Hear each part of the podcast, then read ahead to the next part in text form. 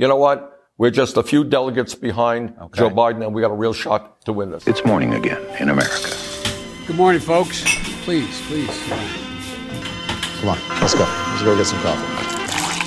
Thank you very much. Det er mandag 9. mars. Det er én dag igjen til de neste primærvalgene, og morgenkaffen er servert. Søndag ble det klart at Californias senator og tidligere presidentkandidat Kamal Harris erklærer sin støtte til Joe Biden. Harris publiserte en video på Twitter der hun forklarer at hun støtter Biden fordi USA nå trenger en leder som både bryr seg om folket og skal virke samlende. So I just wanted you guys to know because you've been supporting me for so long, and um, I just wanted you guys to know I have decided that I am, with great enthusiasm, going to endorse Joe Biden for President of the United States. I believe in Joe. I really believe in him, and I have known him for a long time. One of the things that we need right now is we need a leader who really does care about the people and who can therefore unify the people. And I believe Joe can do that. Um, I am supporting Joe because I believe that he is a man who has lived his life with great dignity. Um, he is a, a, a public servant who has always worked for the best of who we are as a nation, and we need that right now. There is so much at stake in this election, guys.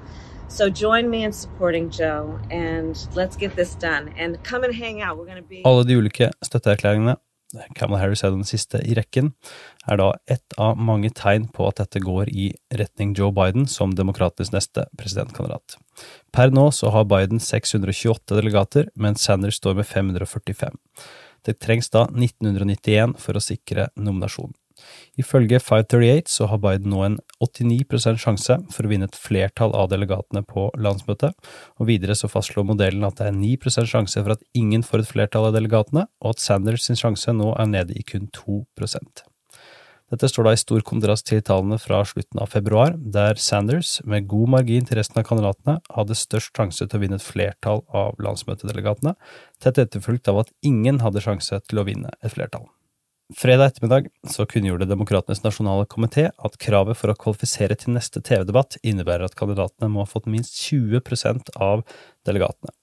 Debatten kommer dermed til å være en tomannsdebatt mellom toppkandidatene Bernie Sanders og Joe Biden. Tulsi Gabbard, som fortsatt er med i presidentkampen, har ikke kvalifisert til debatten og kommer heller ikke til å gjøre det. Hun har fått under 0,1% av delegatene så langt, og heller ikke greid å kvalifisere seg til de fem siste debattene. Dette er nummer 11 i rekken av TV-debatter og avholdes den 15. mars i Phoenix, Arizona, to dager før det avholdes primærvalg i Arizona, Florida, Illinois og Ohio den 17. mars. Det gikk ikke helt Bernie Sanders vei på supertirsdagen, og han er misfornøyd med opptakten til denne store valgdagen. Her er Bernie Sanders' forklaring på hvorfor det gikk som det gikk på supertirsdag, fra Meet the Press på søndag. Well, my explanation is that we won in California, we won Utah, we won in Colorado. Uh, we won Vermont. Uh, I think the explanation is not complicated. Uh, the establishment put a great deal of pressure on Pete Buttigieg, uh, on Amy Klobuchar, who ran really aggressive campaigns. Well, I know both of them. They work really, really hard, but mm-hmm. suddenly, right before Super Tuesday, they announced their withdrawal. If they had not withdrawn from the race before Super Tuesday, which is kind of a surprise to a lot of people, I suspect we would have won in uh, Minnesota. We would have won in Maine. We would have won in Massachusetts. The turnout may have been a little bit different.